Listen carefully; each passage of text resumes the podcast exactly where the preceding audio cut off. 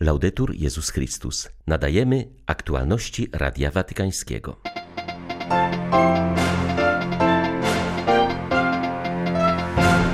Jezus modli się za każdego z osobna, włącza nas w swój dialog z Ojcem w jedności Ducha Świętego. Tak podsumował papież zakończony dzisiaj cykl kateches poświęcony modlitwie.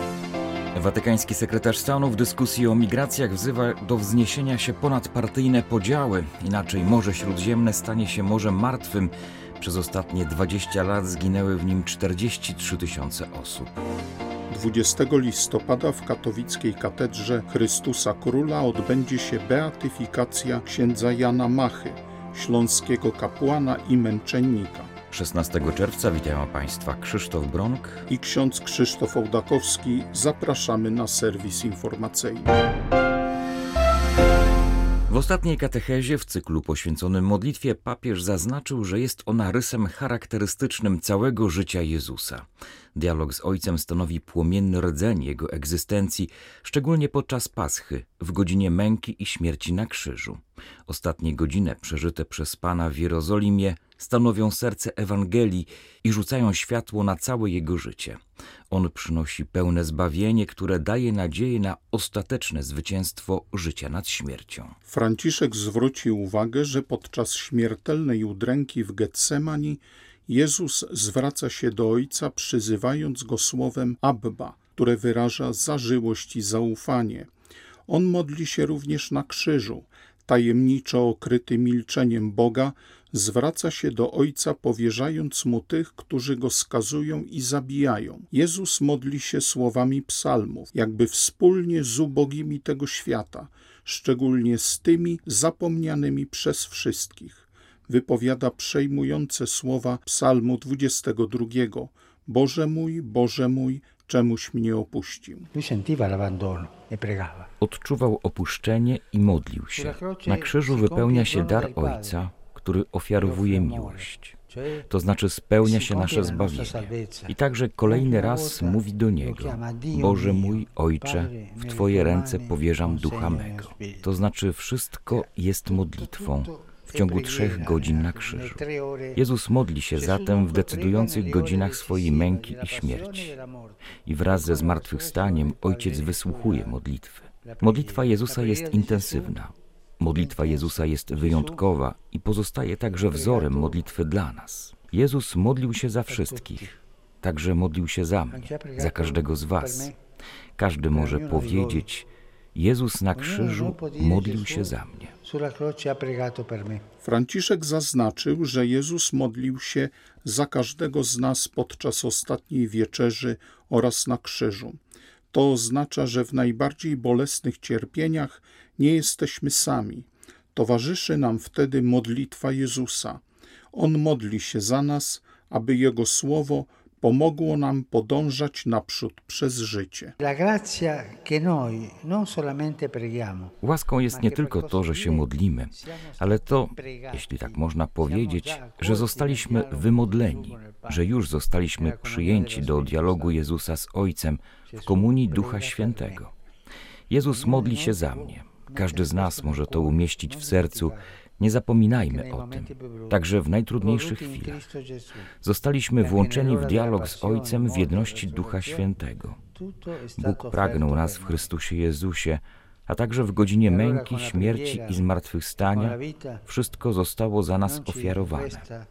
Zatem nie pozostaje nam nic innego, jak poprzez modlitwę i życie mieć odwagę, nadzieję i poprzez tę odwagę i nadzieję poczuć silnie modlitwę Jezusa i podążać naprzód. Oby nasze życie było oddawaniem chwały Bogu ze świadomością, że On modli się za mnie do Ojca, że Jezus modli się za mnie. W pozdrowieniach do pielgrzymów papież zachęcił do wytrwania w dobrych postanowieniach oraz wyraził pragnienie, aby wszyscy obfitowali w podwójne dary radości i pokoju. Ojciec Święty życzył wiernym, aby okres letni był pogodnym czasem i wspaniałą okazją do kontemplowania Boga w cudownych dziełach stworzenia. Do Polaków papież powiedział: Saluto cordialmente i Polaki. Eh? Pozdrawiam serdecznie Polaków. Jest ich tak wielu. Apostoł narodów, święty Paweł, zachęca nas Nieustannie się módlcie. Modlitwa jest naszą życiową koniecznością, ponieważ jest oddechem duszy. Wszystko w życiu jest jej owocem. Jaka modlitwa, takie życie. Stan naszej duszy i nasze czyny. Niech osobista, zażyła serdeczna rozmowa z Chrystusem pomaga Wam być zawsze blisko Boga i znajdować odpowiedź na nurtujące Was pytania, na kwestie do rozwiązania i problemy, które Was niepokoją. Serca Wam błogosławię. Zmienia się symbolika Morza Śródziemnego. Rzymianie nazywali je Mare Nostrum, naszym morzem. Dziś grozi nam, że stanie się ono Mare Mortuum, Morzem Martwym, ostrzegał kardynał Pietro Parolin podczas wieczornej modlitwy w Bazylice Matki Bożej na Zatybrzu z okazji przypadającego w najbliższą niedzielę Światowego Dnia Uchodźcy. Modlono się też za tych, którzy zginęli w drodze na Stary Kontynent. Od 1990 roku było ich w sumie ponad 43 tysiące. W homilii watykański sekretarz stanu zauważył, że Morze Śródziemne jest dziś bardziej miejscem konfrontacji niż symbolem spotkania. Nad tym morzem powstawały najwspanialsze cywilizacje w historii, a obserwujemy w tym regionie regres życia wspólnego, toną i umierają ludzie, widzimy gniew i nędzę, niekończące się spory i dyskusje, różnego rodzaju manipulacje, a przede wszystkim zbyt wiele obojętności. Mówiąc o kryzysie migracyjnym, kardynał Parolin zauważył, że zbyt często jesteśmy uśpieni i budzimy się na chwilę tylko wtedy, kiedy media stawiają nam przed oczyma wstrząsające obrazy. Zdaniem watykańskiego sekretarza stanu w dyskusji nad migracjami trudno się wznieść ponad partyjne podziały, dlatego wezwał do modlitwy za rządzących. In particolare preghiamo per le istituzioni europee w sposób szczególny modlimy się za instytucje europejskie, aby ta kwestia migracji znalazła wreszcie solidarną odpowiedź. W rzeczywistości Europa będzie mogła myśleć o spójnej przyszłości tylko wtedy, gdy będzie w stanie wyjść poza realizację partykularnych interesów i prowadzić szeroko zakrojoną politykę ukierunkowaną na coraz bardziej niezbędną integrację. Jeśli jedności nie odnajdziemy w solidarności, trudno będzie ją odnaleźć w czymkolwiek innym. Interesy bowiem nie łączą, ale zamykają w sobie. Jego książkę papież wybrał jako prezent z okazji życzeń bożonarodzeniowych dla kurii rzymskiej w 2019 roku.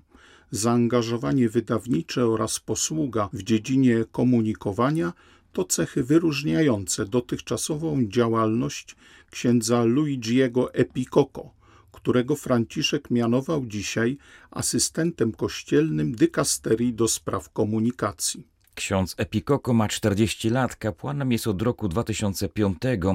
Jako młody ksiądz przeżył tragedię trzęsienia ziemi, które nawiedziło L'Aquila w 2009 roku.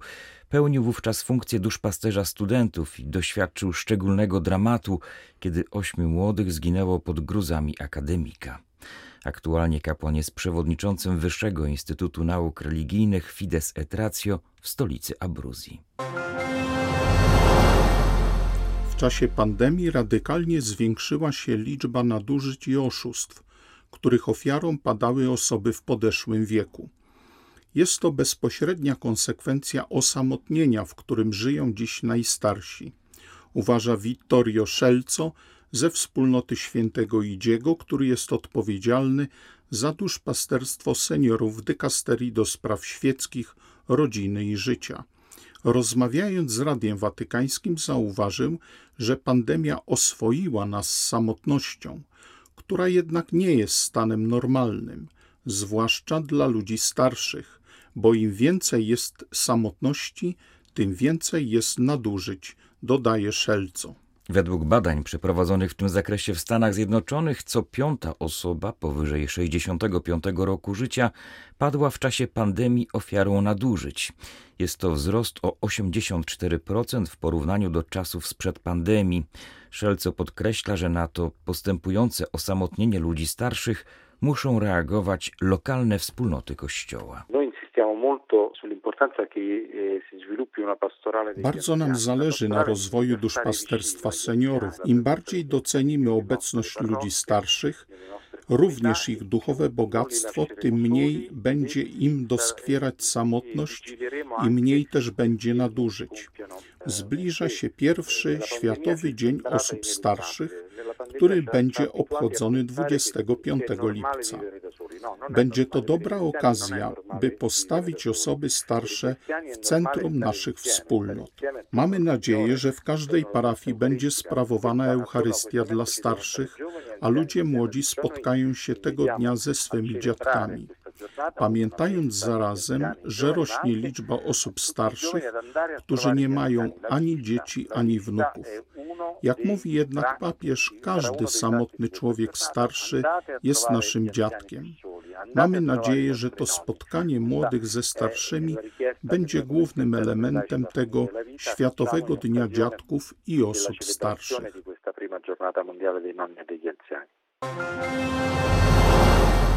Noc grozy, tak konferencja episkopatu Burkina Faso i Nigru określa najpoważniejszy w ostatnich latach zamach dokonany przez dżihadystów w tym regionie. W przygranicznej wiosce Solhan zginęło ponad 160 osób, w tym wiele dzieci, a domy zostały zniszczone. Biskupi zapewnili o modlitwie za ofiary tej tragedii. W ostrych słowach skrytykowali też widmo terroryzmu, które staje się coraz groźniejsze dla ludności. Biskupi zwracają uwagę, że z powodu ataków terrorystycznych ludność Sahelu nie jest pewna przyszłości tego regionu. Wzywają lokalne władze do bardziej energicznych i rygorystycznych działań, ponieważ od tego zależy przyszłość i przetrwanie lokalnego kościoła. Przypominają, że ten tragiczny w skutkach atak terrorystyczny podciął nadzieję i optymizm, które zaczynały się odradzać wśród ludności. Biskupi podkreślają, że Noc Grozy dobitnie pokazuje, że działalność terrorystyczna coraz bardziej zagraża lokalnej ludności otoczonej narodowymi i zagranicznymi bazami wojskowymi. Z tego powodu Kościół katolicki w Burkina Faso i Nigrze pyta o zasadność obecności tak wielu obcych sił na tym terytorium przy coraz bardziej rozczarowujących owocach składanych deklaracji. Ludność jest bardzo zaniepokojona, a podzielając to zaniepokojenie, biskupi stawiają pytanie, kiedy nastąpi wyjście z tego ciemnego tunelu. Maryi Królowej Pokoju zawierzają przyszłość, modląc się, by towarzyszyła obu krajom w drodze do prawdziwego pojednania, będącego darem Boga i owocem wysiłków człowieka. Beatyfikacja sługi Bożego księdza Jana Machy, śląskiego kapłana i męczennika odbędzie się w sobotę, 20 listopada w katedrze Chrystusa Króla w Katowicach. Nowy termin uroczystości zaaprobował papież Franciszek, mówi ksiądz Tomasz Wojtal, rzecznik archidiecezji katowickiej. Mszy świętej beatyfikacyjnej będzie przewodniczył papieski delegat, prefekt Kongregacji Spraw Kanonizacyjnych, kardynał Marcello Semeraro. Pierwotnie beatyfikacja miała odbyć się 17 października 2020 roku, jednak pandemia pokrzyżowała nam plany. Mamy nadzieję, że przykład błogosławionego księdza Jana Machy będzie dla nas inspiracją w drodze do świętości, ale jednocześnie także dzięki wstawiennictwu śląskiego kapłana będziemy mogli wypraszać potrzebne łaski dla naszego śląskiego ludu. Były to aktualności Radia Watykańskiego. Laudetur Jezus Chrystus.